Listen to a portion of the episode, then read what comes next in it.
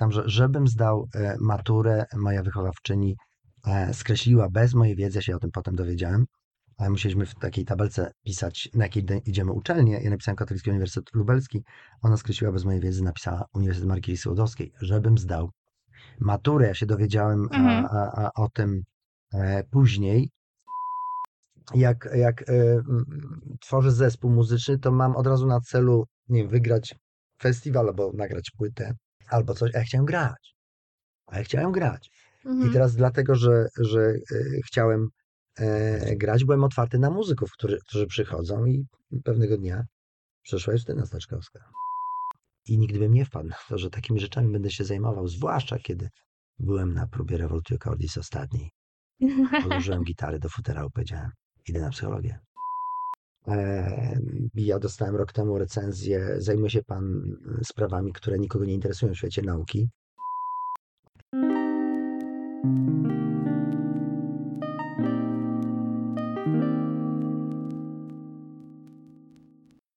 To może zacznijmy od tego, że y, został Pan zaproszony właśnie w ramach podcastu Koła Naukowego. Myślę, że koło jest już y, znanym Panu miejscem, więc y, zwłaszcza, że Pan wcześniej też organizował aktualie i robił różne rzeczy w kole. Więc ym, tak zastanawiałam się właśnie, czy będzie Pan chętny na taką rozmowę, ale szybko się Pan zgodził.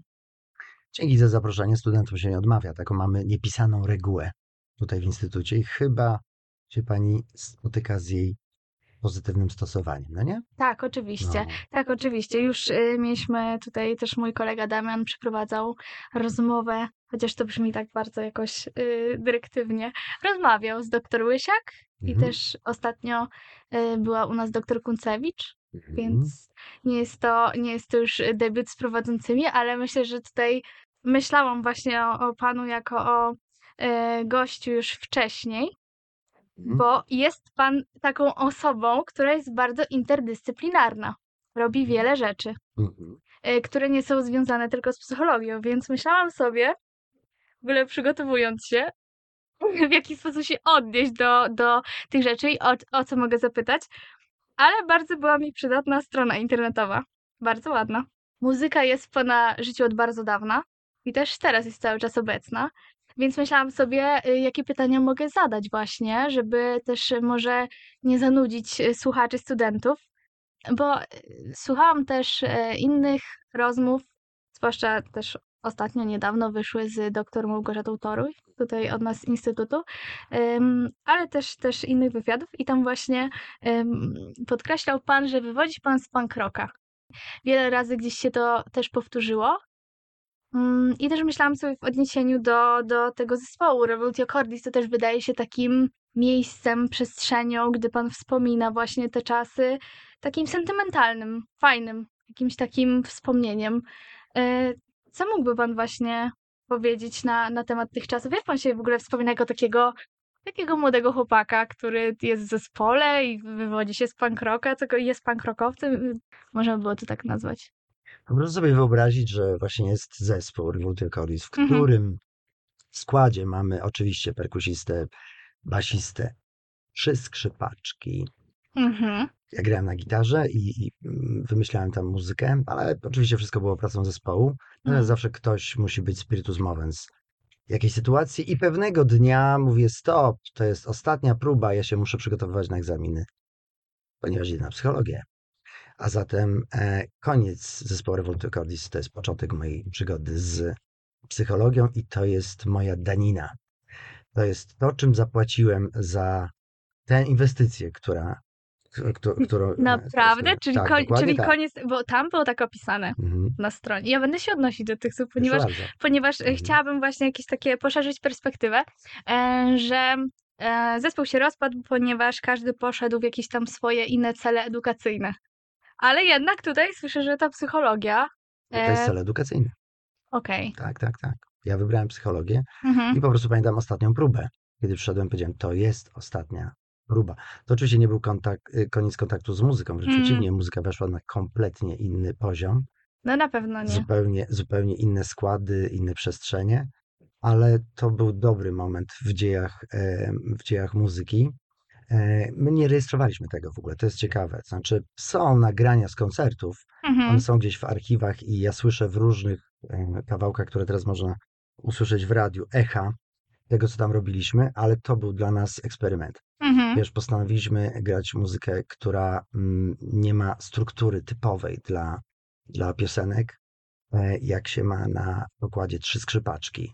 Trzeba się nauczyć, ja nie mam szkoły muzycznej, trzeba się Mhm. nauczyć e, zapisu nutowego. Trzeba umieć z nimi rozmawiać i Mhm. trzeba rozszerzyć swoją wyobraźnię o instrumenty smyczkowe. No właśnie. Jak się wcześniej miało zespół, który nazywał się Dywizją Latających Czołgów i grało się mocnego punk rocka, wywrotowego, antysystemowego, Aha. Y, i w ciągu kilku lat y, przeszliśmy transformację no, potężną, ponieważ w zasadzie zahaczyliśmy o filharmonię Mhm. e, i, i to się naprawdę szybko działo. To jest krócej niż trwają studia psychologiczne, dwa, trzy lata taka Mhm. transformacja. E, I nagle zaczęliśmy mm, robić coś, co określiłbym mianem kolaży muzycznych. Mhm. E, I, i, i, czyli zaczęliśmy tworzyć przestrzenie. Ja wtedy nie wiedziałem, że najważniejszy w muzyce jest dla mnie trans, ale właśnie wtedy zacząłem go rozumieć i dotykać powoli. E, I uświadomiłem sobie ważną rzecz, mianowicie to, że muzyka działa na ludzi jak, jak nie można by ją porównać do, do klucza, który otwiera zamek.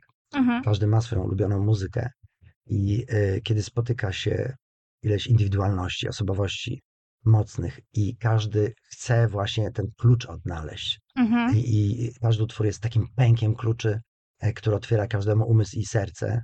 I wszyscy to czują, ponieważ doświadczają grupowego flow i po prostu to jest niesamowite. No to takie doświadczenie e, pozostawia trwały ślad w umyśle. Nie można go zapomnieć i kompletnie inaczej myśli się o słuchaniu muzyki, nie mówiąc o, o, o robieniu muzyki. Aktualnie robię muzykę, jeśli mogę, to Tak, aktualnie oczywiście, robię oczywiście, muzykę, oczywiście. której, której y, mam w składzie profesjonalnych muzyków. Mhm. I to, co oni sobie e, cenią w tym, co robimy, to to, że gramy muzykę, oni to tak określają free.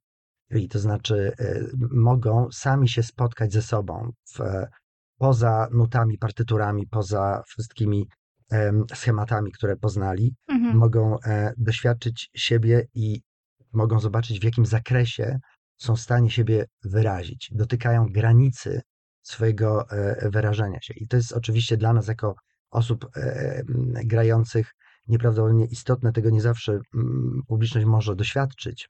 Dlatego najważniejsze są próby. Mhm. I gramy koncerty nieprawdopodobnie rzadko. One są takim krokiem milowym, ale najważniejsze są próby. I znowu zaczynamy kolejne próby. Mhm.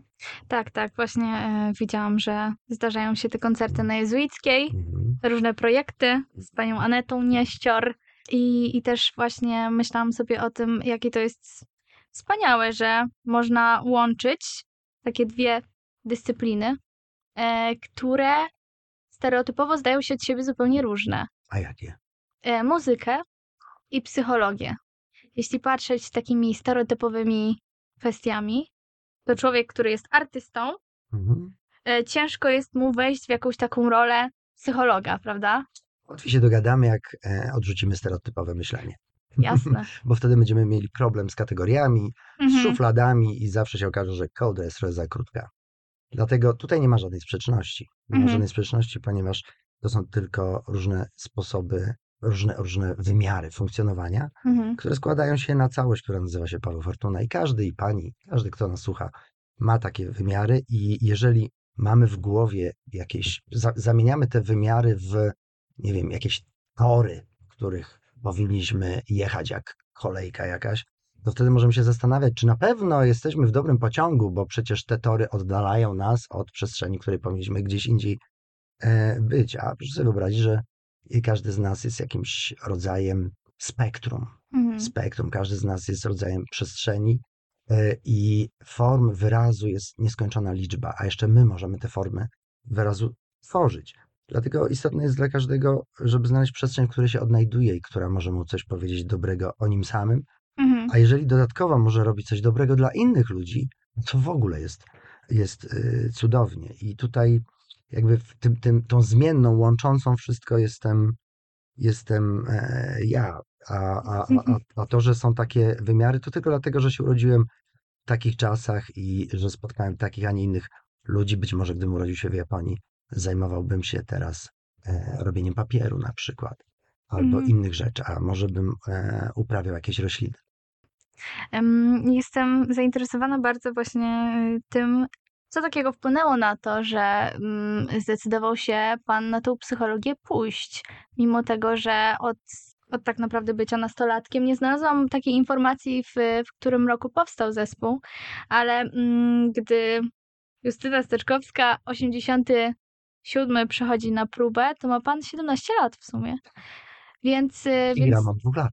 Już. od dwóch lat już. Piero czy już. Więc, więc jest pan y, młodą osobą i nagle przychodzi ta psychologia. Co takiego wpłynęło na to, jakie doświadczenie, że pojawiła się ta myśl, że, że pójdę, spróbuję, czy może właśnie już tak pewniej zostanę psychologiem?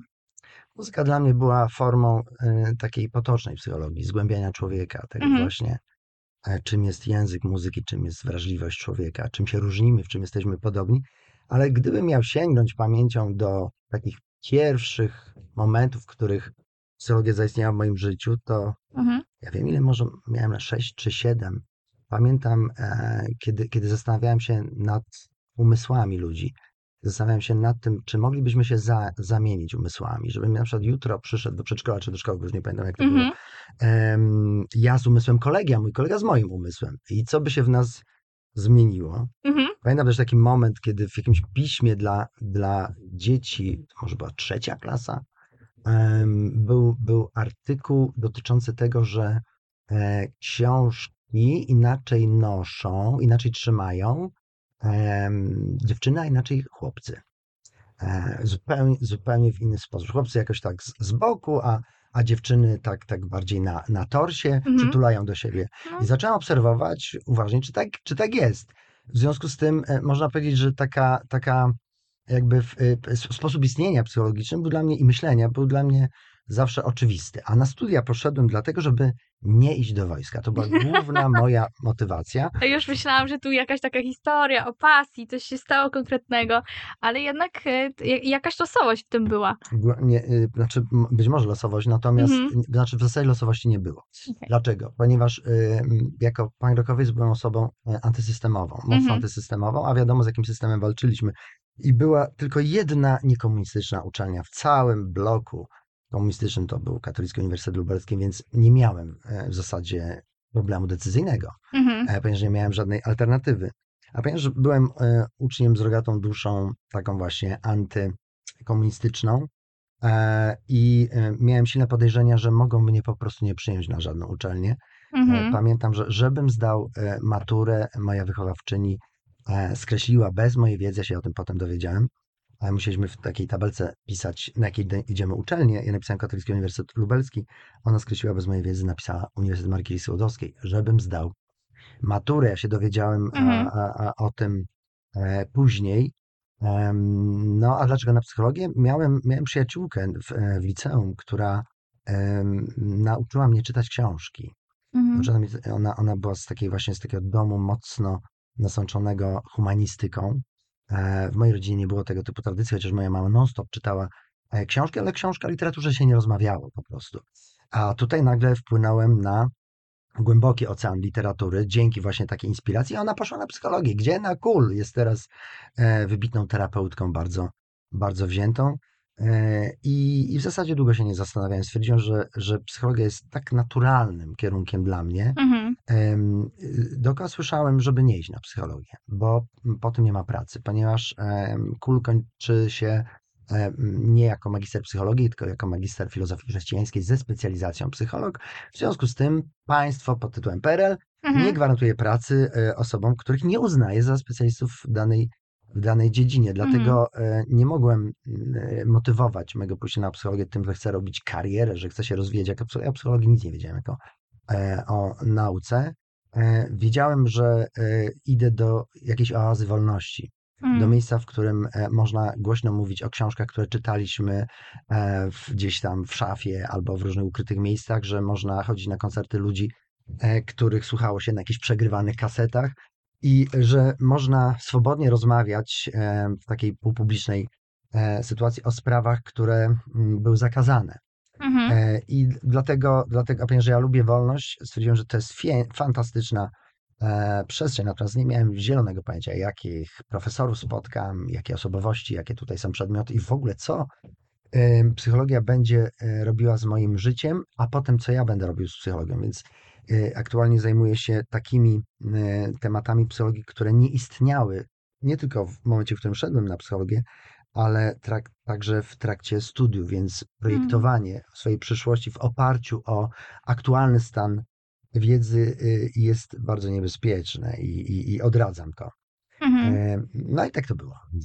To jest y, ciekawa perspektywa, o której Pan opowiada, bo ja jej nie znam zupełnie i dużo jest y, o tej antysystemowości. Mówi Pan, że był Pan antysystemowy i że obawiał się Pan, czy dostanie się Pan na jakiś uniwersytet.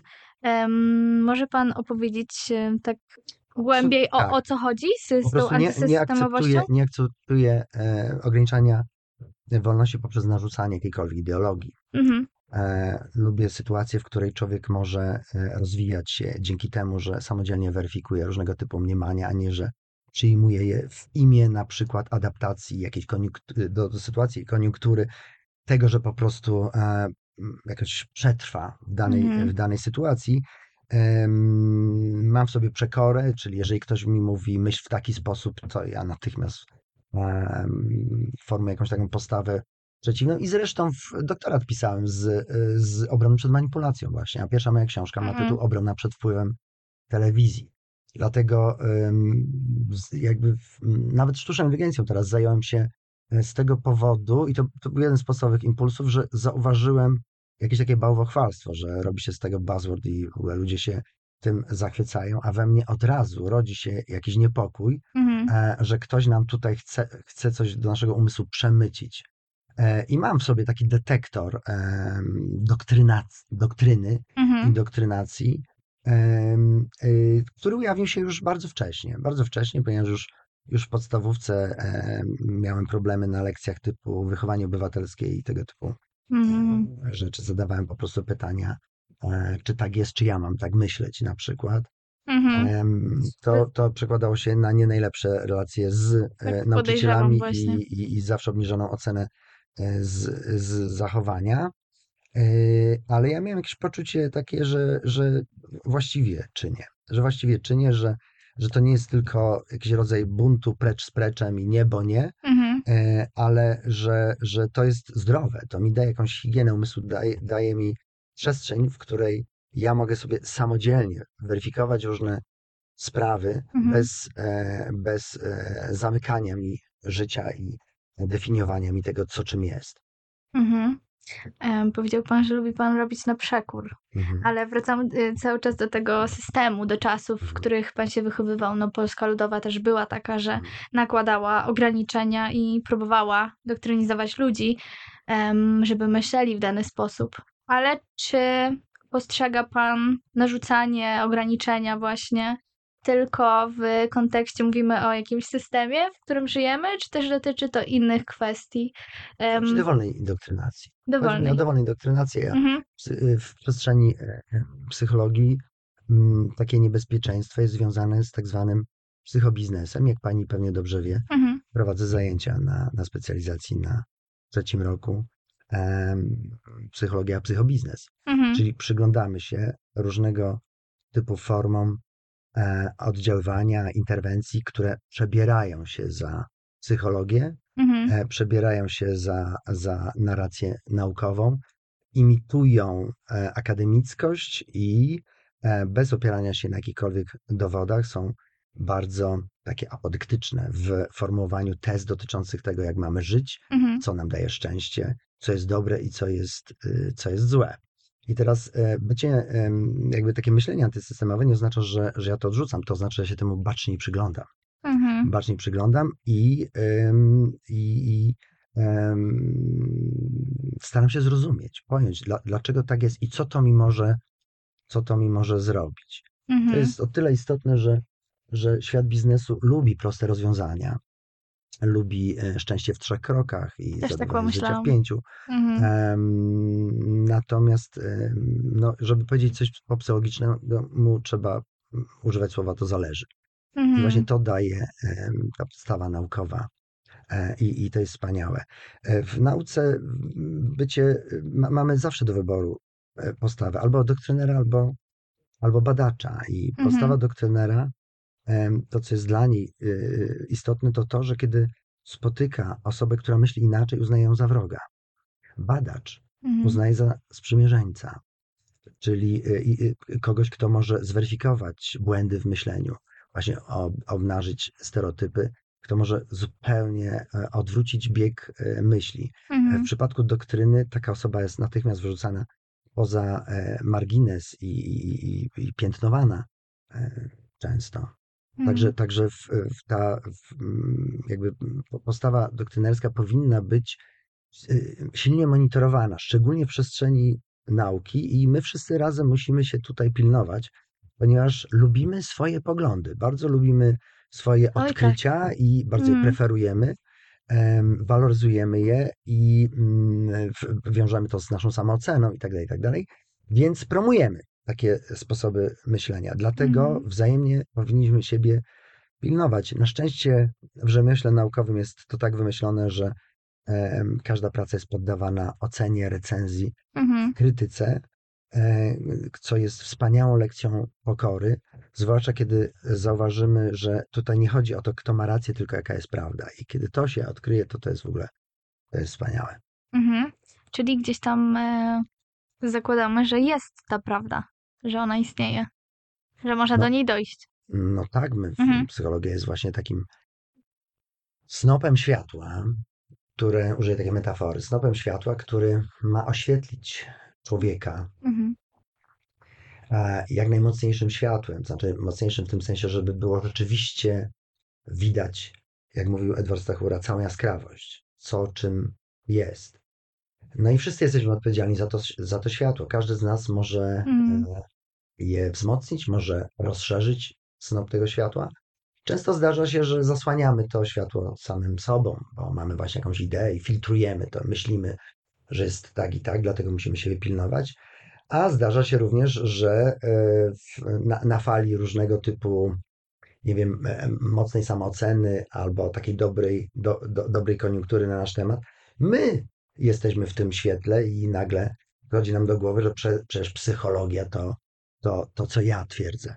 Dlatego Mhm. jesteśmy sobie potrzebni jako e, osoby weryfikujące ten poziom naszej doktryny e, w imię e, wspólnego dobra, jakim jest właśnie ten piękny widok człowieka, takim jaki jest. Mhm. tych wszystkich psychologicznych uwarunkowań, tej całej zagadkowej plątaniny różnego typu mechanizmów, dynamizmów, tego, co odziedziczyliśmy, tego, jak reagujemy, jakie mamy wrażliwości, jak bardzo się od siebie różnimy i w czym jesteśmy podobni. I to jest y, potężny ocean danych obserwacyjnych. To są piksele, które Mhm. składają się na, na obraz, i, i, i, i my tego obrazu pewnie nigdy całego nie zobaczymy, ale em, piękne jest żeglowanie, nie Mhm. tylko dopływanie do portu.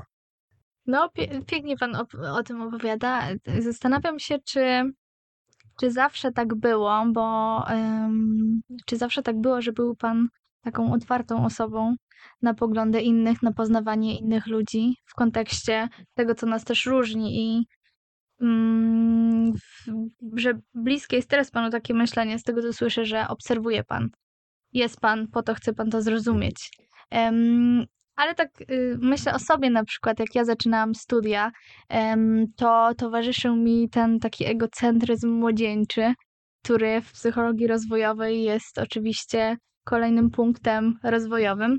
E, I że gdzieś dopiero w trakcie tego studiowania, poznawania tej dyscypliny, jaką jest właśnie psychologia, też zaczęły do mnie docierać te, te kwestie związane z tym, że ja jestem jakaś, inni ludzie są jacyś i że też em, wpływają na to czynniki związane z genetyką, prawda, z moim środowiskiem, z tym, gdzie się wychowywałam, że różne czynniki wpływają na to, jaka ja jestem i też, że nie każdy może być taki jak ja, że musi być w sumie, nie może, że musi być taki jak ja i że mm, ja też się nie muszę ze wszystkimi zgadzać. I myślę, że teraz już jest lepiej pod tym względem i jestem bardziej wyrozumiała. Aczkolwiek jak wspominam siebie, jak miałam te 19 lat, to było bardzo ciężko, e, zwłaszcza gdy człowiek taki młody jeszcze może zazwyczaj nie ma aż tyle doświadczenia. Czy gdy pan był właśnie takim dziewiętnastolatkiem rozpoczynającym studia, jak pan siebie wspomina z tego okresu? Czy jednak, no teraz już rozmawiamy z perspektywy lat, prawda? Już jako 53-letni mężczyzna, który też jest psychologiem, badaczem, ta perspektywa jest na pewno inna niż, niż była no już tyle lat temu. E, nie chcę się pomylić, prawda? Wiadomo.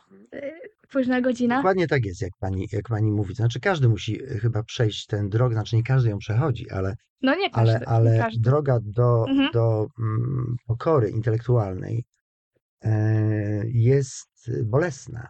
Jest bolesna, ponieważ em, uczenie się pokory oznacza, że będziemy się zderzali Mhm.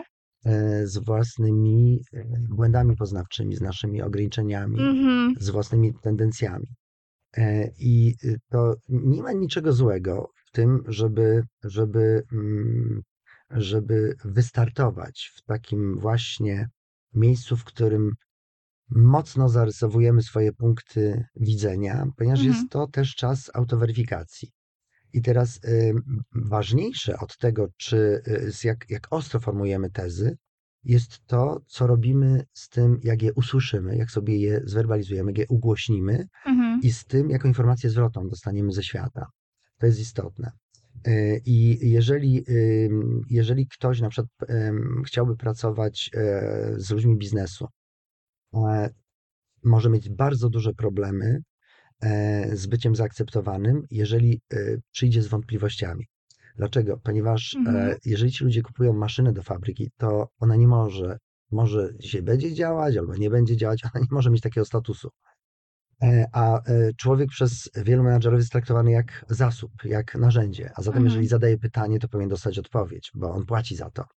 I płaci nie za wątpliwości, tylko że za odpowiedź. Jeżeli są wątpliwości, to on potrzebuje poznać alternatywę i Mhm. potrzebuje em, ją mieć uzasadnioną. I teraz to, czego powinniśmy się uczyć w trakcie studiów, to właśnie wychodzenia z momentu, w którym mamy jakieś przeświadczenia, jesteśmy głęboko o czymś przekonani, albo jesteśmy przekonani o czymś na granicy pewności, do Mhm. sytuacji, w której formujemy tezę albo hipotezę, ale potrafimy ją uzasadnić.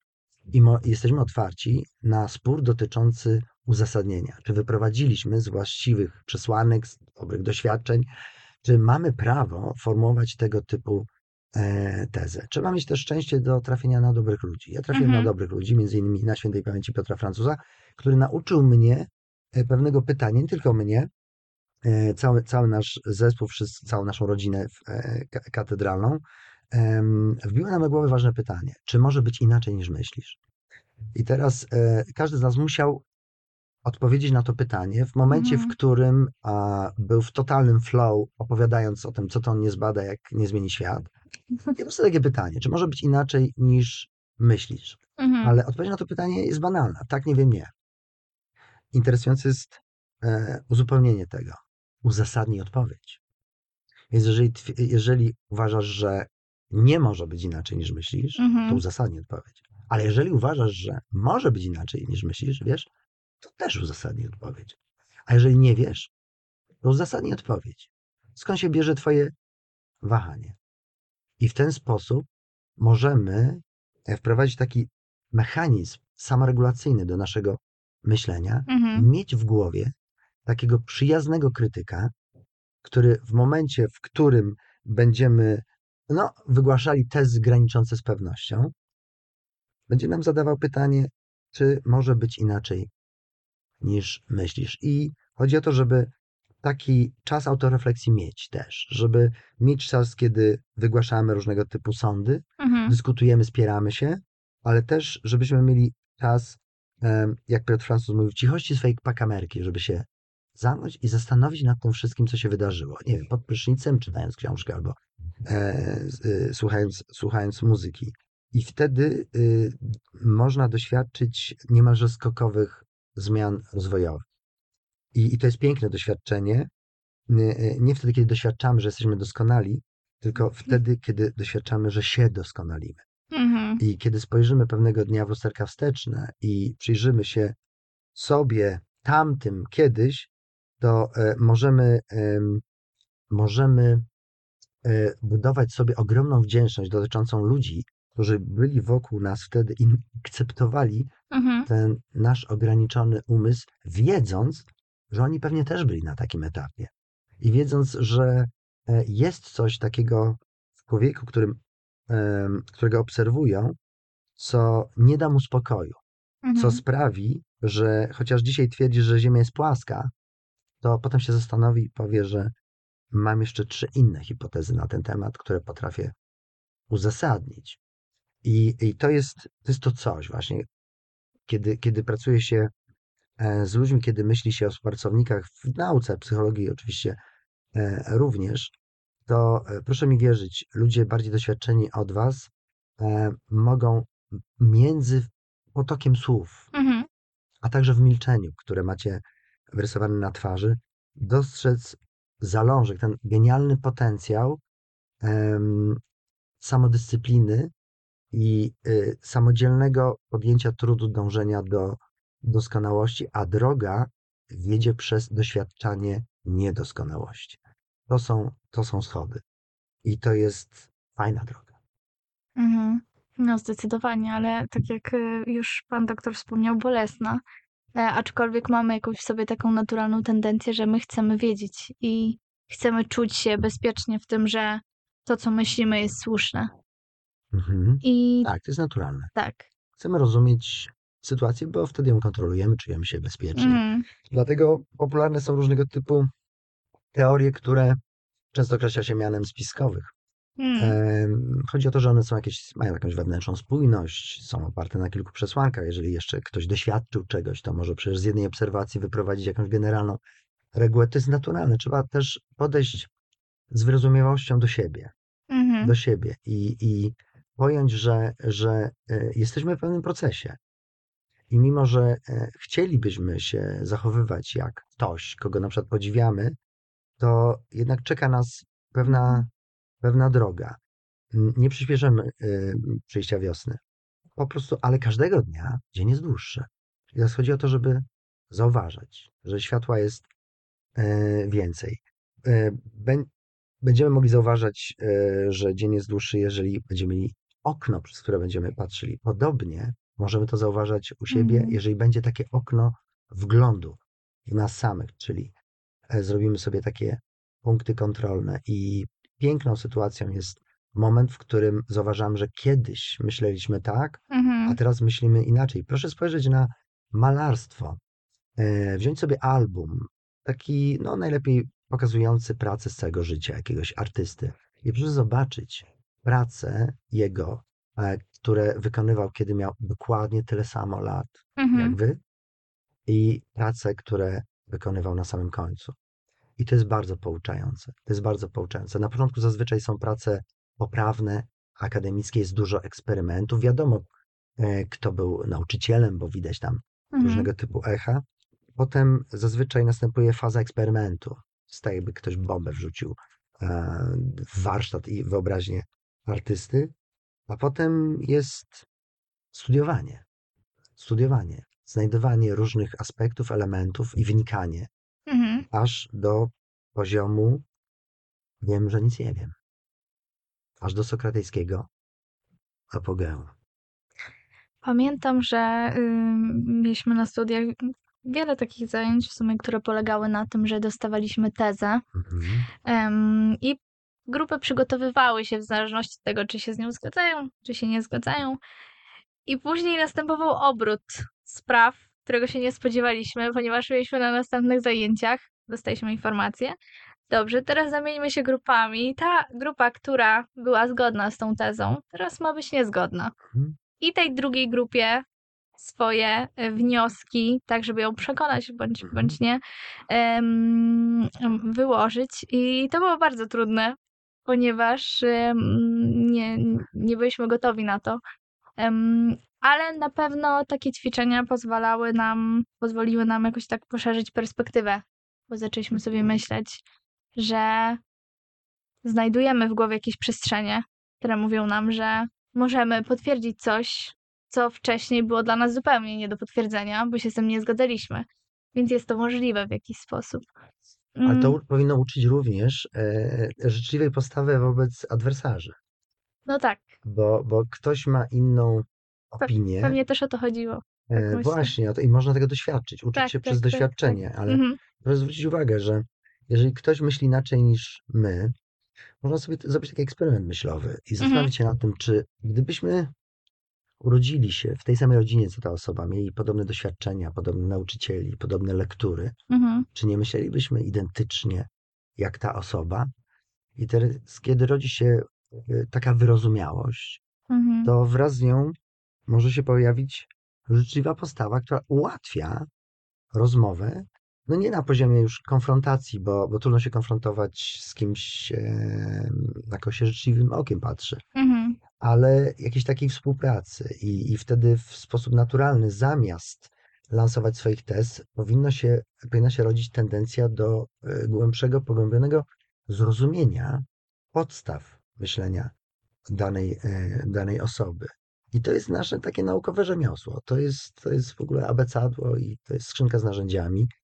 I studia powinny właśnie temu służyć. Mhm. Studia to nie jest, to nie jest e, zawodówka. Tutaj nie uczymy się mm, zawodu, raczej uczy, jeśli można już mówić w kategoriach fachu, to naszym fachem jest rozwiązywanie e, problemu, stawianie pytań i, i, i Mhm. weryfikowanie tych pytań.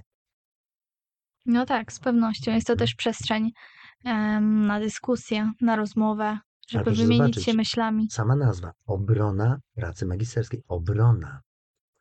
Czyli można, obro, można inaczej to powiedzieć, obrona własnych tez. Mhm. To jest obrona. I, i, to, i to, nie jest e, sprzedaż, to nie jest lansowanie, Już niedługo to mnie nie- czeka. tak, Mhm. nie jest promowanie, Mhm. to ma być obrona. I, i, czy, czyli czyli em, zdany egzamin Mhm. to jest, to jest egzamin z tego, że ktoś wykazał się e, dzielnością, bo broni e, w to, co wierzy, Mhm. ale też e, wykazał się pewnym kunsztem. Potrafił to zrobić. A mm, czy pan, jak patrzy na, na siebie z przyszłości, właśnie to ma w sobie tą wyrozumiałość? Bo rozmawiamy o tym, że właśnie to jest bolesny proces, że nie da się wszystkiego przejść y, za, za jednym razem. Nawet jak patrzymy na naszych mistrzów, to oni też y, są w swoim procesie i nie jesteśmy w stanie się porównać, bo, bo każdy gdzieś tam przeżywa życie na swój sposób. Czy, czy jest w panu ta wyrozumiałość? Bo myślę, że każdy z nas ma takie doświadczenia, które były niezrozumiałe i do, Mhm. musieliśmy dopiero dojrzeć na jakimś Mhm. etapie życia, żeby spojrzeć na nie inaczej. Jak to, jak to jest w Ja myślę, przypadku? no w moim przypadku jest tak, że skraca się ten właśnie dystans czasowy. Kiedy Mhm. dochodzę do wniosku, że tak. To najlepiej, to bardzo wiele osób e, wam może powiedzieć, że e, w, w, dla nas trudnym momentem konfrontacji z przeciwną opcją, z inną optyką jest moment, kiedy dostajemy recenzję artykułu od osoby, która nas nie zna i my nie znamy tej osoby i też może być Mhm. od wielu osób. I czasami są to recenzje miażdżące. Czasami. Em, Ja dostałem rok temu recenzję, zajmuje się pan sprawami, które nikogo nie interesują w świecie nauki. E, Jak miał i- recenzję? y, Tak, tak, tak. I w, w Mhm. kategorii y, zainteresowanie szerszej społeczności a w skali od 1 do 5 miałem 1. E, I to jest sytuacja, w której możesz stracić Mhm. wiarę w siebie, Mhm. e, możesz odrzucić w ogóle całą pracę, możesz to wyprzeć Mhm. zupełnie. Możesz stwierdzić, dobra, zajmuję się innymi sprawami. E, doświadczasz miksu frustracji i innych emocji, ale i to jest normalne, i to jest Mhm. normalne, a potem jest spokój. I teraz chodzi o to, że właśnie ten moment szybko przychodzi i, y, i teraz y, zaraz, dlaczego ten człowiek tak twierdzi? I czy on ma rację? Mhm. Mi akurat ten argument było łatwo odeprzeć, ponieważ e, wystarczyło, że, że wysłałem, e, wysłałem e, listę mm, osób z autorytetów ze świata naukowego, które popierają moją ideę, dobrze ją oceniły w Polsce i mówię, no Mhm. zgodnie z tą listą jest siedem osób, które mogły być tym zainteresowane, ale to było niewiarygodne, ponieważ e, w drugiej recenzji ten recenzent był już osobą bardzo współpracującą. To druga recenzja była taka, gdzie on dawał mi podpowiedzi, co jego zdaniem, gdzie i jak powinienem napisać, Aha. y, jak powinienem zmienić strukturę e, artykułu i napisał mi, że e, widzi jeden moment trudny i on nie ma pomysłu na to, jak uargumentować akurat w tym aspekcie stawiane tezy, ale trzyma kciuki, żebym sobie poradził. Bo że to jest, to jest trudne, bo to jest intuicyjny Aha. temat, brakuje jeszcze danych i, i był niewiarygodnie współpracujący. To jest, to jest niesamowite. A to musiało być Natomiast- zaskoczenie. Pierwsza Tak. reakcja moja była taka, że zadzwoniłem do przyjaciela i powiedziałem ratuj w ogóle, co ja mam w tej sytuacji. Albo Aha. inna sytuacja, bo sprzed trzech lat e, jedno zdanie odrzucające e, tekst the Field zbyt wcześnie w tym obszarze badań, Mhm. czyli mm, Zbyt napisałem... nowatorsko, tak? Za, nie, zaśmiałe. nie wiem, to było jedno Mm. zdanie. E, I, i, I to jest, y, no akurat z dwoma kolegami pisałem e, artykuł i stwierdziliśmy, że chyba lepszego wyróżnienia nie można dostać w ogóle. No ale artykuł Bo odrzucono. rozmawiamy o cyberpsychologii, tak? Tak, Cały tam czas- akurat mhm. wymyśliliśmy model, model em, adaptacji do, do e, firmy e, sztucznych systemów, które pełnią rolę CEO, czyli w sensie Mhm. no, osób, osób, które są na, samej, em, na samym szczycie hierarchii zarządczej. Mhm. W, w tamtym roku sprzedano pierwszego robota Fina, który pełni funkcję CEO. Proszę sobie wyobrazić. A, rozmawiamy o Także- Mice, tak? Tak, tak, Mhm. także, także, także, Okej. także mm, No to jest e, a trzy lata temu robot, odrzucono. który. y, Który może wytłumaczymy, pełnić- może ktoś nie wie, że to jest robot, który jest dyrektorem w firmie. Tak, i teraz Mhm. e, e, proszę zobaczyć, jak, jak, jak, szybki, jak szybki jest progres. Mhm. To jest pierwsza sprawa. A po drugie, żeby się nie poddawać po prostu, bo e, my spotykamy się z, nie z opinią Boga, Mhm. tylko innego człowieka, innego umysłu, innej wrażliwości. To jest bezcenne, ponieważ to może być Japończyk, Mhm. to może być Brazylijczyk na przykład, z kompletnie innego e, kręgu kulturowego. On miał innych nauczycieli i, i, i inaczej patrzy na pewne sprawy. Ale to, ja to lubię w nauce właśnie, Mhm. że, że e, tworzy się taki system e, poszukiwania, sprawdzania siebie, weryfikacji i poszukiwania e, tego, co jest wartościowe, odrzucania tego, co jest zbędne. I to jest zawsze bolesne. Krytyka jest zawsze bolesna, ponieważ e, te badania to są nasze dzieci, te wyniki są wychuchane. Mhm. e, w- Zajmują dużo nad czasu, Tym, tak, prawda? tak, Mm. myślimy o tym, bo, bo, bo e, tak jak ktoś powiedział, pisanie książek to jest przede wszystkim myślenie o książkę, czy pisanie artykułów to jest myślenie, Mhm. robienie badań to jest myślenie o Bycie w procesie. Więc nagle ktoś Mhm. odrzuca k- fragment naszego życia. Ym, To, że pojawia się bunt, to pokazuje tylko, jak bardzo jesteśmy w to zaangażowani, bo gdybyśmy byli obojętni, to po prostu nieważne, napisali to czy tamto. Nie Mhm. interesuje mnie to. To jest tak, jak teraz powiedzmy, że ktoś na Akademii Medycznej dostał jakąś recenzję. Zupełnie mnie to nie interesuje, jest mi to obojętne. A skoro e, doświadczamy jakiejś burzy, to znaczy, że my jesteśmy jednak w interakcji jakiejś z tym, z tym światem. I, i to, że, że e, w, nagle, nagle serce zaczyna mocniej bić, e, albo nie wiem, Mhm. e, zmienia się kolor skóry, Wywołuje emocje. no to tylko Mhm. pokazuje, że, że e, strzał był w tarczę. Mhm. Ale w, ogóle wydaje mi się, że zajmuje się Pan taką, taką tematyką, która Polsce, w naszym kręgu, tutaj najbliższym, e, pewnie nie jest aż tak daleko posunięta, chociaż mogę się mylić, nie mam pojęcia. E, jeśli chodzi, jeśli chodzi o tą kwestię naukową, bo też mówi Pan, że coś jest na przykład zbyt nowatorskie i dostaje Pan recenzję, w której ktoś mówi wprost, że to jest po prostu za wczesne na jakiś etap, w którym jesteśmy w nauce teraz. Mm, Jestem ciekawa, jak to się na przykład odnosi do, do tego rynku, który jest dalej posunięty w nowoczesnych technologiach. Na przykład właśnie przed chwilą rozmawialiśmy o Chinach, które sprzedały pierwszego robota, em, który jest CEO w firmie. Em, no to na pewno myślę, że przekłada się w jakiś sposób na, na tą rzeczywistość, gdzie pan chce dołożyć się do, do rozwijania. Tej, tej dziedziny Generalnie o to wiedzy. chodzi. Są różne sposoby zajmowania się nauką. Mhm, Ja z wielkim szacunkiem i z ogromnym podziwem podchodzę do em, osób, które poświęciły swoje życie badaniu jakiejś przestrzeni, są bardzo konsekwentne w tym. To są naprawdę eksperci i specjaliści. mhm, Ja mam naturę generatora. Jestem osobą, która ma łatwość spojrzenia na dane zjawisko z wielu perspektyw mhm, i lubię się zajmować tym, czym nikt się nie zajmował.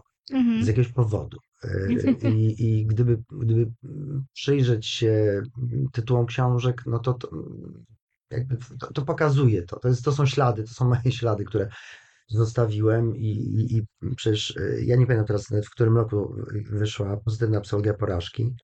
E, Ja też nie, To, to był chyba 2011 rok albo 10, ale Mhm. z całą pewnością pisałem to 2009-2010. E, No więc ja się dowiedziałem, że, że e, przyjedzie do nas na konferencję Itai Itzwan z Izraela, Mhm. człowiek, który na- napisał drugą falę psychologii pozytywnej, taką, taką książkę. A na czym polega druga fala? A druga fala polega na tym, że, że on pokazuje, że możemy em, bardzo pozytywne aspekty wyprowadzać z trudnych doświadczeń. Mhm. E, No więc ja się zajmowałem tym ileś lat przed nim.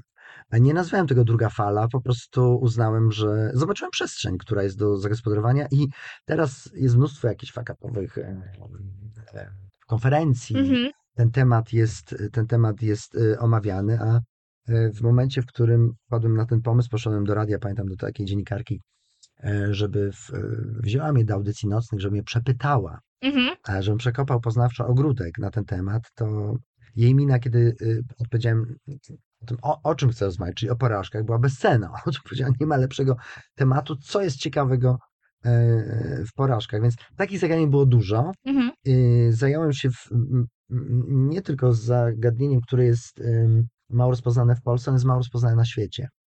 E, I, i, I właśnie mam na myśli cyberpsychologię pozytywną, którą wymyśliłem dokładnie w tym samym roku, e, w którym wymyśliła to e, Jolanta Berg, która przyjedzie do nas e, w maju, a była we wrześniu. E, Niezależnie od siebie wpadliśmy na identyczną ideę, e, czyli rozwijania pozytywnej gałęzi cyberpsychologii, która przypomina troszeczkę wiktymologię. Mm, Ogromnym e, zainteresowaniem cieszą się badania dotyczące problematycznego używania technologii, e, Mhm. te, telefonów, uzależnienia od gier itd., itd. Ta, ta lista w ogóle zagadnień jest ogromna, natomiast niedaleko zajedziemy jako, jako ludzie, e, którzy są skoncentrowani na negatywnych aspektach. E, Jeżeli em, nasz głos, e, a mamy podstawę w, e, w obszarze psychologii pozytywnej, nie dotrze do biznesu, do projektantów e, i nie pokaż, pokażemy, że mamy pewien model myślenia, mamy różne wyniki badań e, ukierunkowanych na pokazywanie pozytywnych interakcji z technologią. Mhm. E, I e, razem z e, Jolantą Berg stwierdziliśmy, że dobrze byłoby napisać taki podręcznik na świecie e, cyberpsychologii pozytywnej, pracę zbiorową, gdzie, gdzie w jakiś sposób wskazalibyśmy takie subobszary badań e, i mamy problem z zebraniem autorów poszczególnych rozdziałów. Mhm. Gdybyśmy pisali o, o problematycznym stosowaniu technologii, to mamy na każdy aspekt w ogóle zatrzęsienie badaczy. A tutaj Mm. mamy realny problem ze znalezieniem badaczy, którzy mogliby pokazać na przykład w jaki sposób e, e, korzystać z technologii, żeby wzmacniać na przykład pokorę, Mhm. na przykład dzielność, dobroć, twórczość i tak dalej. Więc badania na ten temat są w powijakach. E, Prowadzimy je rów- również e, tutaj i to nie jest problem lokalny. Mhm.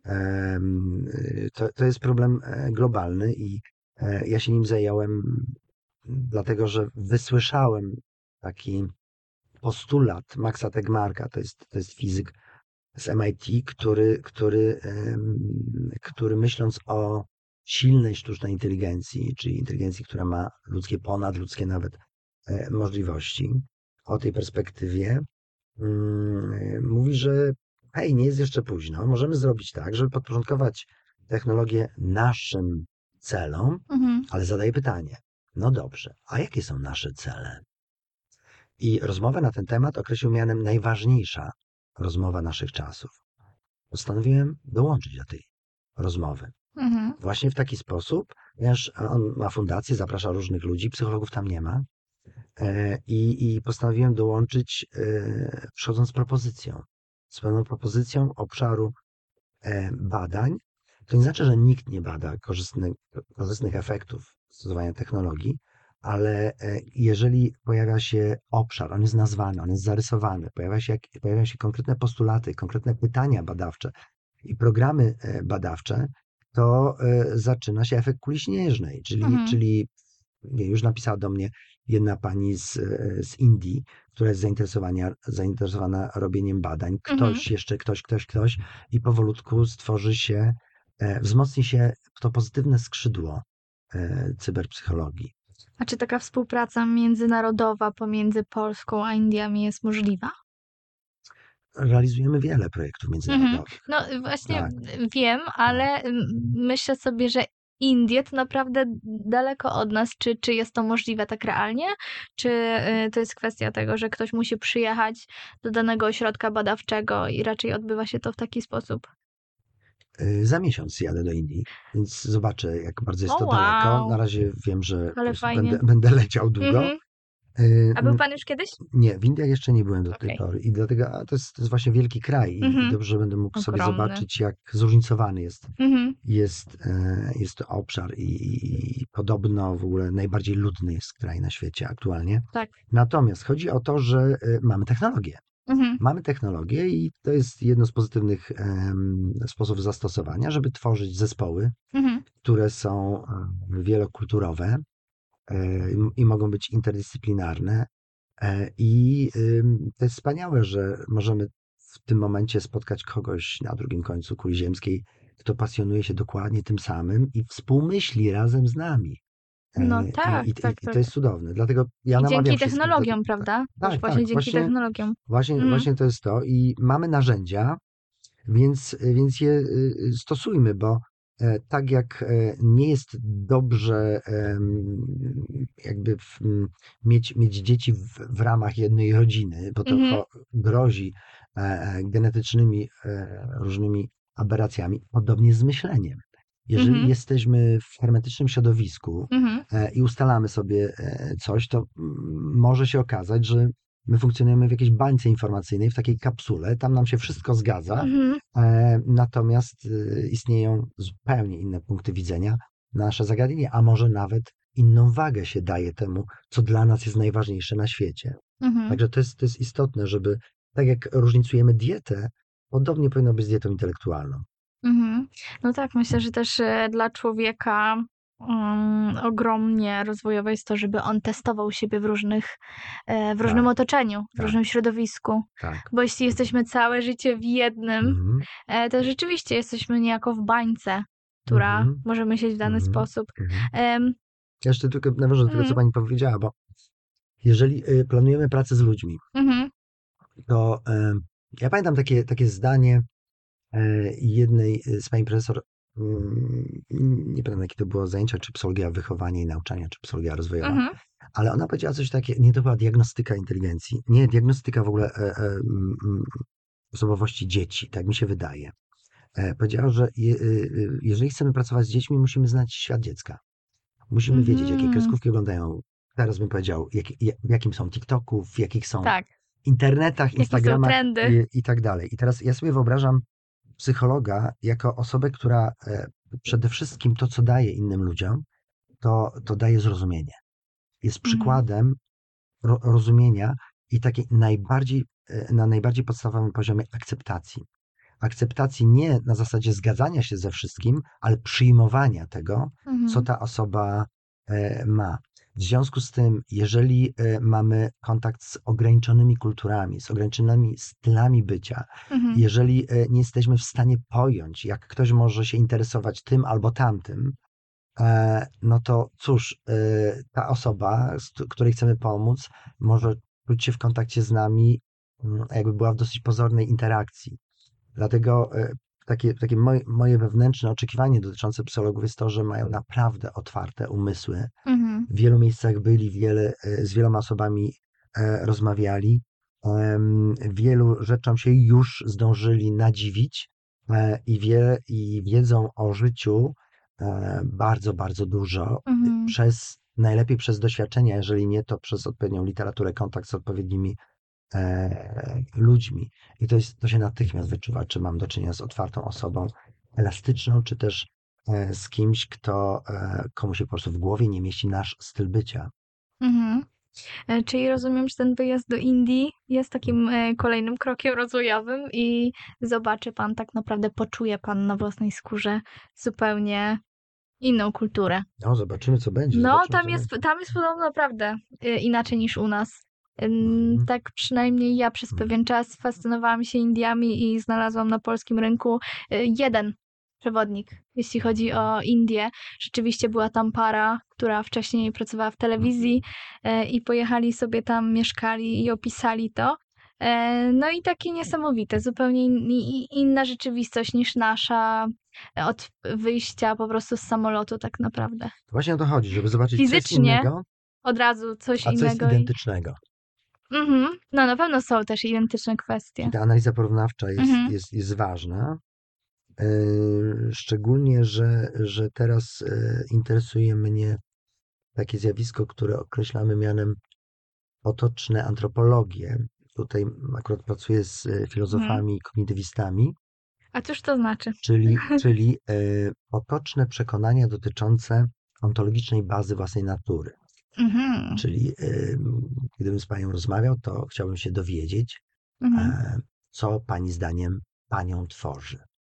I niektórzy mówią, że to jest ciało, niektórzy, że umysł, niektórzy mówią jeszcze dusza. Mhm. E, I ciekaw jestem, co by Pani powiedziała. Co jest właśnie tą metafizyczną, ontologiczną bazą Pani na, natury? Mhm. E, Czy jest Pani intuicyjną monistką, materialistką i twierdzi Pani, że w zasadzie umysł to produkt ciała Mhm. e, i, i na ciele wszystko się zaczyna i kończy, a świadomość to iluzja. Czy też skłaniałaby się Pani w stronę dualizmu, takiego może platońskiego albo kartezjańskiego i mówiła Pani coś dla ciała, coś dla ducha, Mhm. e, a może em, byłaby Pani e, trialistką, która twierdzi, że no, o, z czym innym jest ciało, czym innym jest umysł, jeszcze czym innym jest dusza. I to jest nasz sposób pojmowania Mhm. samych siebie, w którym są echa e, koncepcji filozoficznych. No ale e, w- tam w Indiach jest e, mnóstwo ludzi, którzy twierdzą, że coś takiego jak dusza w ogóle nie istnieje. E, Oświeca się umysł. W Mhm. związku z tym nasze pytania dotyczące właśnie ich takiej potocznej antropologii, tego co sami myślą o, o podstawie swojej tożsamości, nasze pytania nawet nie pasują do ich kultury. A więc Mhm. zastanawiamy się nad tym, jakie w ich przypadku trzeba by zadać pytania i jakie, na co wskazuje ich odpowiedź, czyli, czyli co oni pokazują jako tą najgłębszą bazę samych siebie, swojego człowieczeństwa Mhm. i jaką to pełni funkcję w ich życiu. Bo możemy się zastanawiać, czy na przykład człowiek, który twierdzi, że jest ciałem, Mhm. różni się od człowieka, który mówi, że ma ciało. A człowiek, który mówi, że ma ciało, a jest umysłem albo jest duszą, w czym się różni od człowieka, który mówi, że ma ciało, a jest umysłem i, i, to, i to jest interesujące. To, to, mnie Mhm. teraz, to mnie teraz zajmuje, a drogą do tego typu refleksji, e, e, co jest, co jest dosyć interesujące, były badania dotyczące sztucznej inteligencji Mhm. tego, że wpadliśmy na szalony pomysł, żeby zapytać ludzi, czy, czy robot ma umysł i czy ma duszę. Czyli sprawdzaliśmy, od czego zależy przypisywanie sztucznym systemom praw człowieka albo Mhm. szerzej statusu moralnego. I tak się okazało, że to moje e, e, zainteresowanie sztuczną inteligencją doprowadziło mnie do e, no, wielokulturowego zainteresowania tym, co każdemu leży na serca dnie, na jego temat Mhm. co go tworzy, co go komponuje, co sprawia, że on to on, właśnie, co myśli na ten temat. I, i, I nigdy bym nie wpadł na to, że takimi rzeczami będę się zajmował, zwłaszcza kiedy byłem na próbie Revolutio Cordis ostatniej. Odłożyłem gitary do futerału, powiedziałem, idę na psychologię. No to jest niesamowite, jak życie bywa nieprzewidywalne. My chyba nie jesteśmy w stanie też przewidzieć przewidzieć naj, naj, nawet najbliższych chwil, tak mi się wydaje. Za każdym razem, gdy jasnuję jakieś plany, to zaraz okazuje się, że zupełnie coś innego się stało po drodze, co sprowadziło mnie na inny tor. E, Więc, więc to jest. y, Woody Allen mówił, chcesz rozśmieszyć Pana Boga? Powiedz mu o swoich planach. Ja też tak myślę, mhm. że, że tak, tak jest właśnie w No ten ale, sposób. Ale dobrze jest być No sprawczym właśnie. i w, Mhm. też mieć, prawda, Mhm. jakieś e, cele, plany i myśleć o tej przyszłości. Chodzi o to też, żeby nie przeoczyć okazji, które się e, nadarzają każdego dnia. Tak, oczywiście. Bo plany planami, ale Mhm. plany mogą być e, początkiem pewnej śl- ślepoty, ślepoty na tu i teraz. No. Wracając, to jestem bardzo ciekawa, czy do tej pory udało się panu w jakiś sposób e, stwierdzić, nie na podstawie kultury indyjskiej, ale może właśnie jakiejś innej, z, innego kręgu kulturowego niż, niż nasz, w jaki sposób ludzie postrzegają siebie, swoją taką integrację, czy właśnie bardziej skłaniają się ku temu, że to jest umysł, to jest ciało, czy jest to coś wspólnego, czy jest to coś od, odrębnego zupełnie? Badam to, badam to od, e, od strony e, refleksji, refleksji takiej antro, antropologii kulturowej Mhm. i e, bardzo ważne są też dane pochodzące z językoznawstwa, czyli jak ludzie w różnych kulturach określają podobne rzeczy, Mhm. takie jak na przykład właśnie ciało, umysł, duch, dusza i tak dalej. E, I, e, I to jest w ogóle fascynująca e, podróż. Natomiast na poziomie badań pojawiają się ciekawe wyniki, bo okazuje się, że właśnie w kulturze chińskiej Mhm. zastosowane metody, które zostały stworzone dla kultury zachodniej, stosowane w Stanach Zjednoczonych i w Polsce na przykład, Mhm. E, że ludzie tam w dziwny sposób odpowiadają. To znaczy, nie wiadomo, czy dla nich ten umysł i ciało to to samo, umysł i dusza to to samo. Są Mhm. bardzo takie te wyniki niejednoznaczne.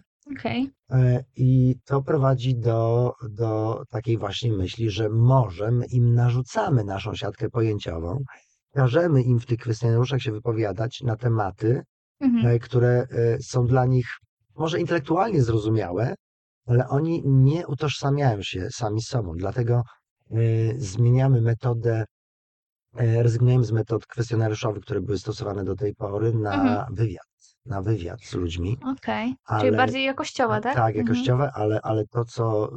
Chyba te- trudniejsze do realizacji. Tak, Mhm. tak, ale przestrzeń, która się pięknie właśnie rozwija, krystalizuje. Tutaj w zespół, mamy interdyscyplinarny zespół, taki psycholodzy, y, y, fi, y, filozofowie i kognitywiści, Mhm. e, że szukamy, em, chcemy dotrzeć do ludzi z, z różnych kultur z, i to tak t- badaczy rozumiejących odrębność tych kultur, e, żeby oni pomogli nam znaleźć pytanie, pytanie, które w tej właśnie kulturze odpowiadałoby pytaniu, które w cywilizacji zachodniej odnosi się właśnie do ciała, umysłu, duszy. Czyli o co tam Mhm. powinniśmy zapytać, żeby ktoś opowiedział o tej swojej podstawowej, podstawowych aspektach, fundamentalnych aspektach istnienia, tak jak u nas opowiada na przykład o ciele i o umyśle. Nie? To Mhm. o czym on tam powinien odpowiadać. E, I, y, I to jest piękne, ponieważ czujemy się, jakbyśmy byli e, takimi kolumbami, że mamy teraz kulę ziemską Mhm. i chcemy te terytoria nieznane nam odkryć i, i, i, i pomapować ze względu na to przekonanie wewnętrzne, co sprawia według człowieka, który tam żyje, Mhm. że on jest tym, kim jest co tak Mhm. naprawdę sprawia. Na tym jest nabudowana osobowość, tam ma imię jakieś, e, być może w niektórych kulturach imię, bo w, w starożytnym Egipcie e, imię człowieka było jednym z aspektów duszy. E, Mhm. I, i, i myślę, że czekają nas niespodziewane odkrycia. Mhm. I, to- i to, jest, to jest ciekawa praca. Nie wiadomo, do czego nas to e, doprowadzi, ale jak się pracuje w, e, w zespole osób z otwartymi umysłami inteligentnych i z piękną wrażliwością, to, em, to, to, to, to, to jest podróż, której można życzyć każdemu. Mhm. Mm, Tak y, pomyślałam sobie teraz, że pan lubi siebie określać jako psycholog wędrowny. Mhm. Też właśnie pani Małgorzata em, Toruj, zaczynając rozmowę, też zadawała pytanie na przykład, kim uważasz, że jesteś? I jestem psychologiem wędrownym. Mhm. Em, ale co to, co to właściwie znaczy dla pana? Czym jest ten termin? Jak pan go rozumie w odniesieniu do własnego życia? No a jakie jest życie wędrowca? Myślę, że właśnie pierwsze, z czym mi się to skojarzyło, to z y, ładnie można to nazwać interdyscyplinarnością. Od tego pani zaczęła. Tak. Mhm. Mnie, ja lubię wędrować, Mhm. lubię podróże, lubię poznawać, lubię odkrywać. Em, dlatego jeśli spojrzałaby pani na a, listę moich książek, zakrywając autora, żeby ktoś nie Mhm. wiedział, że, że to jest jeden autor, e, i spytała się pani kogoś, czym się zajmuje ten człowiek. No to właśnie to jest, wę- to jest wędrówka. Mhm. E, Dlaczego? Bo i, i, wiele książek napisałem z e, osobami, które spotkałem w życiu. Nie planowałem tego. Czyli napotkałem Mhm. i zareagowałem. Gdy mój plan nie przesłonił mi tu i teraz. Raz spotkałem fotografa przyrody, a raz kinoterapeutę. Raz spotkałem specjalistę od szkoleń, a raz spotkałem specjalistę od sprzedaży. E, I, I tak to jest. Dlatego, dlatego um, wędr- cudownie się wędruje z kimś. Dalej, w ramach, w ramach psychologii, tak jak mówiłem, jestem generatorem, czyli, czyli w, w, lubię powiedzieć, hej, mam pomysł, wydaje mi się, że przez to okno można zobaczyć to i to. I wierzę w to, że jeżeli ta moja idea jest ciekawa i ważna, Mhm. to zostanie zweryfikowana przez ludzi o wiele mądrzejszych ode mnie, którzy będą wiedzieli, ty, a jeśli tak, to jak się tym, e, jak się tym zająć. Czyli bycie takim poznawczym nomadem Mhm. oznacza, że człowiek, e, człowieka interesuje przestrzeń. In- Interesuje przestrzeń i krajobraz, a nie to, żeby osiąść w jakimś miejscu, ogrodzić to miejsce, może, nie wiem, zbudować fosę, albo nie wiem, może zrobić ognisko i pozapraszać różnych Mhm. różnych ludzi do siebie. To też jest piękne, tworzenie takiego bezpiecznego sioła e, dla ludzi. I w, w, ja tego nie potrafię. To nie, nie leży w mojej naturze, ale bardzo wielu moich znajomych właśnie w nauce tworzy takie gościnne przestrzenie, Mhm. który, w których pilnuje tego ognia, żeby cały czas tam nie gasło. I, I przykładem na naszym uniwersytecie jest oczywiście la, laboratorium. Ale Mhm. gdyby przejść przez wszystkie katedry, to, to tam dokładnie tak jest. To jest wspaniałe, to jest, to jest cudowne, ale to nie leży w mojej naturze. To nie leży w mojej naturze. A co I, to I znaczy? cudownie, że to znaczy, że ja jestem, jestem e, nomadem, to znaczy w, Mhm. lu, lubię, lubię wędrować. Nigdy nie wiadomo, z jakim pomysłem się przypo, przypałętam, e, jaką osobę Czyli pan, przyprowadzę i czyli dokąd pan pójdę. sam nie wie. Nie wiem, nie Jest, wiem. jest w tym jakiś stopień e, niestabilności, że pan sam nie wie, kiedy to się wydarzy. Ja działam intuicyjnie. A, Ja działam intuicyjnie Mhm. i czyli, e, a intuicja działa w taki sposób, że ona podpowiada, czyli na przykład mówi, będziesz pisał książkę o porażce, Mhm. nie mając wcześniejszego przygotowania na ten temat, Mhm. rozeznania w literaturze, e, nie, nie mając przemyślanego tematu i teraz podejmując to zadanie, my odkrywamy, dlaczego się nim zajmujemy.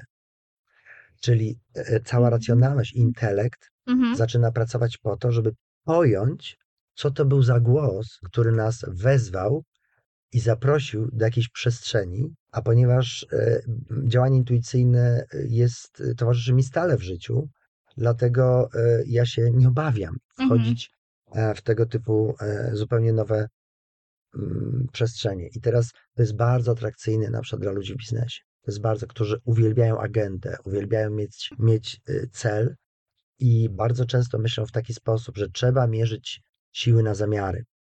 E, I, Mhm. czy, czyli, czyli patrzymy, co jest do osiągnięcia, czy mamy odpowiednie zasoby i teraz ustalamy, jaki jest, jaki jest e, pułap, co, co, co, co zrobimy. No to, to by oznaczało, że jak, jak e, tworzę zespół muzyczny, to mam od razu na celu, nie wiem, wygrać festiwal albo nagrać płytę, Tak. albo coś, a ja chciałem grać.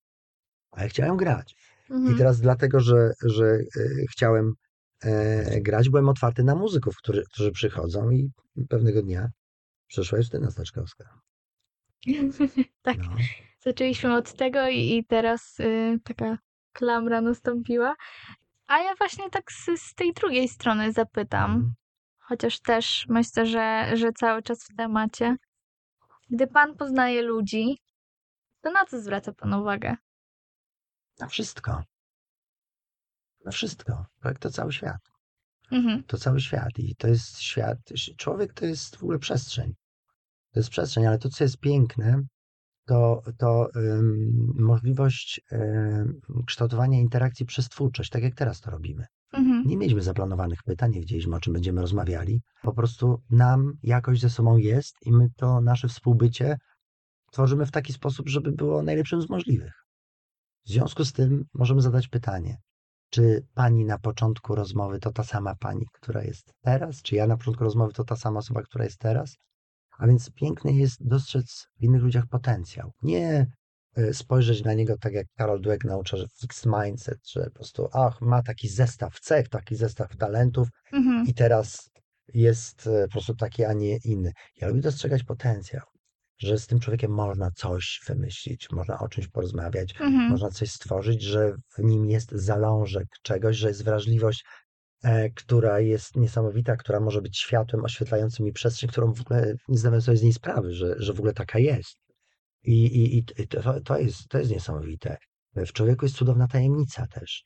E, To y, niewyrażalne ja w każdym z nas, które w sobie nosimy i go nie jesteśmy w stanie wyrazić. Dlatego Mhm. e, podejmu, podejmujemy tyle niesamowitych prób.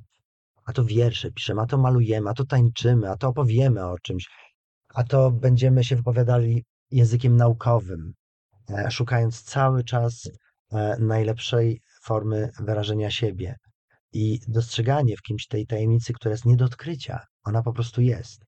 Tej jedyności, niepowtarzalności, to jest w ogóle fascynujące. To jest, Mhm. to jest fascynujące. I uwielbiam też ten moment, kiedy, kiedy, kiedy właśnie y, widzę, jak y, komuś przy mnie zaczyna być dobrze i y, zaczyna się czuć swobodnie i jest, jest autentyczny, bo wtedy jest najpiękniejszy. Najpiękniejszym człowiekiem Mhm. jest człowiek Myślę- autentyczny. Myślę, że e, moją refleksją podsumowującą tą wypowiedź byłoby to, że ciekawość drugiej osoby to jest zarówno to, co łączy i psychologa, i artystę. Na Mhm. pewno te dwie osoby w jakiejś takiej może powierzchownej etykiecie, bo, bo to jest powierzchowna etykieta, ale uważam, że te dwie osoby na pewno łączy to, że jest to, jest ta ciekawość, że ja chcę dowiedzieć się, kim jesteś w jakimś swoim procesie. Pani mówiąc o psychologa i artysty, miała na Mhm. myśli moją osobę? Tak, i odnosiłam się do początku swojej wypowiedzi. Właśnie tak myślałem, że Tak. pani... Czyli, czyli, Tak, czyli, tak, tak. jednak, czyli jednak etykietujemy. E, Ja bym powiedział, że, że mm, kiedyś tutaj osoba ciesząca się ogromnym uznaniem w Mhm. świecie nauki, filozof, powiedział sobie, że jest filozofoidem. To wszystkich zaskoczyło, że ma takie mniemanie na swój temat. Ja zapamiętałem sobie to. Psycholog to jest, to jest, to jest wielka rzecz. Mhm. E, I artysta też. Artysta też. I e, mimo, że napisałem tyle książek, ja nie jestem pisarzem. Ja w ogóle się nie czuję e, pisarzem. Em, Myślę, że jeżeli już bliższe by mi było, e, bliższe by mi było określenie wskazujące taką to tendencję, że mam zadatki na bycie koneserem, Mhm. czyli lubię psychologię dobrej jakości, e, lubię sztukę dobrej jakości, lubię realizację projektów dobrej jakości, lubię relacje dobrej jakości. E, I czyli nie jestem konsumentem, czyli staram się nie być związanym z żadnym trendem, Mhm. ulegać jakimś prądom, a raczej mieć kontakt z rzeczami szlachetnymi, których, e, a to, a to oznacza, że zawsze jest się w mniejszości i, e, i e, jest się poza trendami wszelkimi. Mhm. Ale to jest, ale to jest piękne. I teraz em, studiowanie psychologii pozwala nam e, stawać się koneserem, choćby poprzez umiejętność odróżniania faktów od faktoidów. Em, I poprzez umiejętność odróżniania dobrej literatury, dobrego słowa od potoku słów. Mhm. E, I podobnie myślę, że, że tak jest. Nie, nigdy bym o sobie nie powiedział, że jestem muzykiem. Muzykiem był ani kompozytorem. To, to jest mowa o Mozarcie. I to jest, o, to, jest, to, jest, to, jest, to, jest, to, niewłaściwe, Mhm. są niewłaściwe określenia i em, kiedy, y, ja nie pamiętam, czy to było na tej gali, czy na innej, ale kiedy było rozdawanie Fryderyków, e, Czesław Niemen powiedział, że ta nazwa nie powinna się nazywać Fryderyk, tylko Janko Muzykant. Ja się z nim zgadzam w stu procentach, wiedząc o tym, kto jest, kto był kompozytorem i, i co to znaczy być kompozytorem i, Mhm. i, i rozumiejąc, że, że mm, posługiwanie się jakimś instrumentem nie oznacza jeszcze, że em, dajemy jakiś wkład do, do, do muzyki. Chodzi o to, żeby e, zobaczyć swoje miejsce, a Mhm. etykiety, e, które ludzie przypisują, no ja rozumiem, rozumiem, Mhm. że po prostu jakoś trzeba się zorientować na, na mapie. Sądzę, że, że to byłoby piękne, gdybym, gdybym zasłużył sobie na, na etykietę bycia koneserem. To, to byłoby fajne. Ja w- wtedy nie, nie miałbym takich oporów. Dobrze. Myślę, że ym, postawimy taką kropkę tutaj, bo już zaraz 19 i y, przejdziemy do tych pytań od słuchaczy. Proszę bardzo. Ym, Okej, więc y, jakie jest najciekawsze doświadczenie w Pana życiu? Najciekawsze doświadczenie w moim życiu, Tak. no to jest ten moment. To jest ten moment. To jest sytuacja, w której zdaję sobie sprawę z tego, że sobie zdaję sprawę. To się Mhm. dzieje non-stop. I teraz e, rozumiem, że tu pewnie jest w tle pytanie o treść jakąś. Pewnie tak, O treść. pewnie tak. E, Ja w ogóle nie myślę w ten sposób. To jest najciekawsze. Jeżeli, jeżeli mielibyśmy Mhm. w ten sposób myśleć, to moglibyśmy myśleć tak. E, jakie najciekawsze e, e, doświadczenie mnie czeka, Mhm. może. Ja bym wolał w ogóle w ten sposób myśleć o, o sobie. To pytanie nakazuje mi e, hierarchizować różnego typu Tak. doświadczenia, może nawet je, je wartościować. I ja nie wiem, czy, czy, czy ciekawsze. Um, na przykład w, w ubiegłym tygodniu rozmawiałem z tą panią, która sprzedaje róże w bramie krakowskiej. Mhm. E, Ja, z nią, ja z nią często rozmawiam. E, jakoś tak kilka zdań, szczególnie jak jest, jak jest, jak jest bardzo zimno. E, to jest niezwykle ciekawe doświadczenie. I to jest równie e, ciekawe doświadczenie, jak moment, w którym wstaję w środku nocy, kiedy jest, albo kiedy jest brzask, Mhm. a mieszkam dosyć wysoko i myślę sobie, że niesamowicie jest widzieć wschód słońca. I to jest tak samo mocne egzystencjalnie doświadczenie, jak e, sytuacja, kiedy mam oczekiwanie, o, że będą 30 aktualia teraz na przykład. To, to, będzie, to będzie ciekawe. To będzie bardzo ciekawe. Tak, zwłaszcza, zwłaszcza jak się Właśnie... było w momencie, kiedy pojawiła się idea tego. To to będzie ciekawe doświadczenie. I teraz ono, Mhm. ale nie wiem, nawet weźmy sobie nawet tę konferencję. Co będzie ciekawe? Znaczy ciekawe, ciekawe jest oczekiwanie na to. Ciekawe Tak. jest, ciekawe są pomysły, jakie przychodzą do głowy, pomysły dotyczące obecności. Tak. E, po prostu e, tak jest, więc ja, nie- ja nie będę tego e, hierarchizował, bo, em, bo równie ciekawym momentem był dzień, w którym stwierdziłem, że dzień moich urodzin to jest dzień, w którym powinienem składać życzenia moim rodzicom na przykład. Mhm. I to było dla mnie na przykład e, olśniewające, e, nie, niewiarygodnie. Trudno, dzień, w którym, w którym po raz pierwszy zobaczyłem bozie, buzię mojej córki. Mhm. w ogóle to, to. A widziałem ją e, e, dwa tygodnie temu, kiedy tańczyła poloneza. No to które doświadczenie jest ciekawsze? To jest to. Więc chodzi o to, Mhm. że, że, że ciekawość jest pe, pewnym stosunkiem do rzeczywistości. Że jeżeli mamy taki, taki pełen zachwytu i Mhm. jednocześnie badawczy stosunek do, do świata, to ciekawe jest to, co jest dlatego, że jest. I wracam do początku mojej odpowiedzi. Ten moment, bo, bo zdaję sobie sprawę z tego, że sobie zdaję sprawę. No, mam nadzieję, że odpowiedź satysfakcjonująca. Myślę, że nie. Myślę, myślę, Myślę, że, nie że, myślę, że też myślę, że nie. tak, my, myśl, myślę, że nie. Przewrotnie powiem. Ale jest, ale jest, ale jest autentyczna. Tak. No, Aha. w sumie myślę, że też y, myślę, że też odpowiedź, która byłaby prosta i taka jednozdaniowa, czy byłaby tak esencjonalna i Ja, ja nie mogę zrobić mhm. tym wszystkim chwilom, które, w których byłem, w których Aha. częścią byłem, tego, że Że- ich teraz nie wskażę. To jest żeby tak, je jak, ocenić, prawda, w jakiś sposób. to jest takie pytanie. Najciekawszy film, jaki widziałem. Albo najciekawszy utwór muzyczny, który słyszałem. Mhm. Najciekawsza osoba, którą spotkałem. Ja zwracam się teraz prosto do pani, która zadała e, to pytanie. Mhm. Proszę rozumieć, że ja się zwracam tak z szacunkiem pani pytanie, Mhm. tylko, tylko i, i chcę na nie rzeczywiście odpowiedzieć. Ja to tak widzę. Ja to tak widzę. E, najciekawsza rozmowa, którą odbyłem. Mhm. Mm, a Mm. która nie była ciekawa. No No, właśnie. właśnie. Ja mam ten sam problem, No. y, gdy ludzie pytają mnie o najciekawsze filmy i książki albo Uwaga na najciekawsze naj. utwory. Uwaga nie na wiem, co naj. to znaczy. Naj. Naj. Osadza, prawda, w czymś, co już To widzieliśmy. nas wrzuca w system hierarchizacji. No tak. A dlaczego mamy widzieć wszystko w, e, w perspektywie wertykalnej. Może wszystko Mhm. jest horyzontalne właśnie. Z Mhm. lewa na prawo wszystko, jak jest stołem szwedzkim. Mhm. To jest takie, to jest takie, a to jest inne inaczej. A to jest jeszcze piękne e, inaczej. Ale my mamy głęboko w- zakorzenione w języku. Właśnie, właśnie taką charakteryzację. Ja się, ja się, Mamy. ja się tak, to Mamy. jest, to jest naturalne, nie ma się co dziwić, e, e, że, e, że tak jest.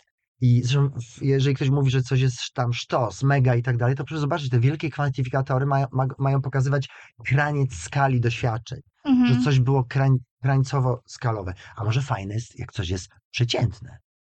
Mhm. Na przykład potrawa jest w sposób z wyczuciem posolona. Tak też może być. No.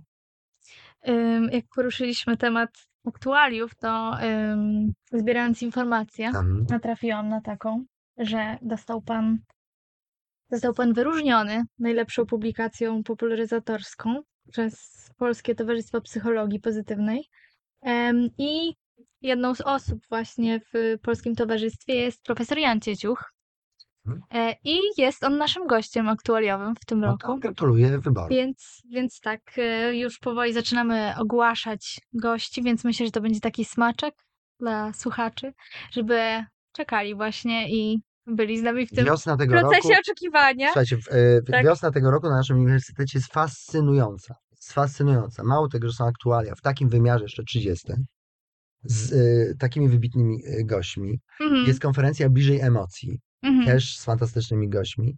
I e, w, w, w kolejnego dnia po zakończeniu Bliżej Emocji jest piąta konferencja psychologii pozytywnej, która Mhm. jest światową konferencją, mimo że organizowaną przez, przez nasz instytut i przez Polskie Towarzystwo Psychologii Pozytywnej. E, przyjedzie, e, przyjaźń- przyjeżdżają gwiazdy, przyjedzie Karol Ryf. mhm. Ryf to jest w ogóle wow. To jeżeli można mówić o pierwszej fali psychologii pozytywnej, to ona właśnie przyjeżdża i, i Cwan z, z drugiej i, i John Taberg z trzeciej. będzie konferencja? 17, 18 i Mhm. to, to będzie wydarzenie, słuchajcie, to będzie Mhm. wydarzenie dlatego, że e, mamy hasło, e, na szczęście mamy dowody Mhm, i e, mam nadzieję, że uda się to zrealizować. Na razie wszys- wydaje się, że wszystkich, co trzeba, namówiłem na to. Mhm. Chcielibyśmy wysto- wystosować manifest, manifest środowiska naukowego, mhm, e, który e, będzie uwrażliwiał ludzi na infantylizowanie pojęcia dobrostanu, mhm. na sprowadzanie go do relaksu, oddechu i tak dalej. To jest ważne, ale Mhm, ale, ale e, zupełnie o co innego chodzi, a dobrostan jest infantylizowany, jest komercjalizowany, jest, jest utowarowiony, mhm, em, dlatego, dlatego chcemy ten manifest, a ponieważ przyjeżdżają gwiazdy rangi światowej, mhm. to mamy szansę na to, że e, to się odbije mocnym echem. Nie mówiąc już o tym, że przyjedzie kilkaset osób, które będą mogły poznać Was, naszą uczelnię, e, odmiksują sobie pewnie kilka stereotypów, ze swojej głowy, zakochają się w Lublinie i, i, i będą chcieli wspierać może kolejne aktualia na przykład. No, Bardzo lubię to, z jaką pewnością pan y, o tym mówi. Ja też bardzo lubię to miasto i też zakochałam się w tej uczelni, mhm. więc y, rozumiem. jako, no właśnie, jako już niedługo absolwentka, muszę się z tym pogodzić, że pożegnam się Mhm. z tym wspaniałym miejscem, ale na pewno Instytut Psychologii Kulowski jest takim miejscem, który tworzy drugą rodzinę Mhm. dla studentów i w ogóle to jest niesamowite, y, ilu moich znajomych z piątego roku już mówi, że oni zostają na doktoracie. To jest po prostu, ja mówię o jakichś 20 osobach, No tak, od których tak, to już tak. słyszałam. Oczywiście nie ma tylu miejsc, kochani, więc good luck, Tak, tak, tak. ale to jest, yy, czego to dowodzi? Dowodzi to Mhm. tego, że ludzie się tutaj bardzo dobrze czują. Powiem wam tajemnicy, że dzisiaj na Radzie Instytutu padło takie słowo określające Aha. naszą społeczność, które brzmi rodzina. Okej. To myślę, że to będzie piękna puenta Mhm. naszej rozmowy, więc dziękuję Dziękuję bardzo. za dzisiejszą rozmowę. Pięknie się rozmawiało i to była ciekawa podróż.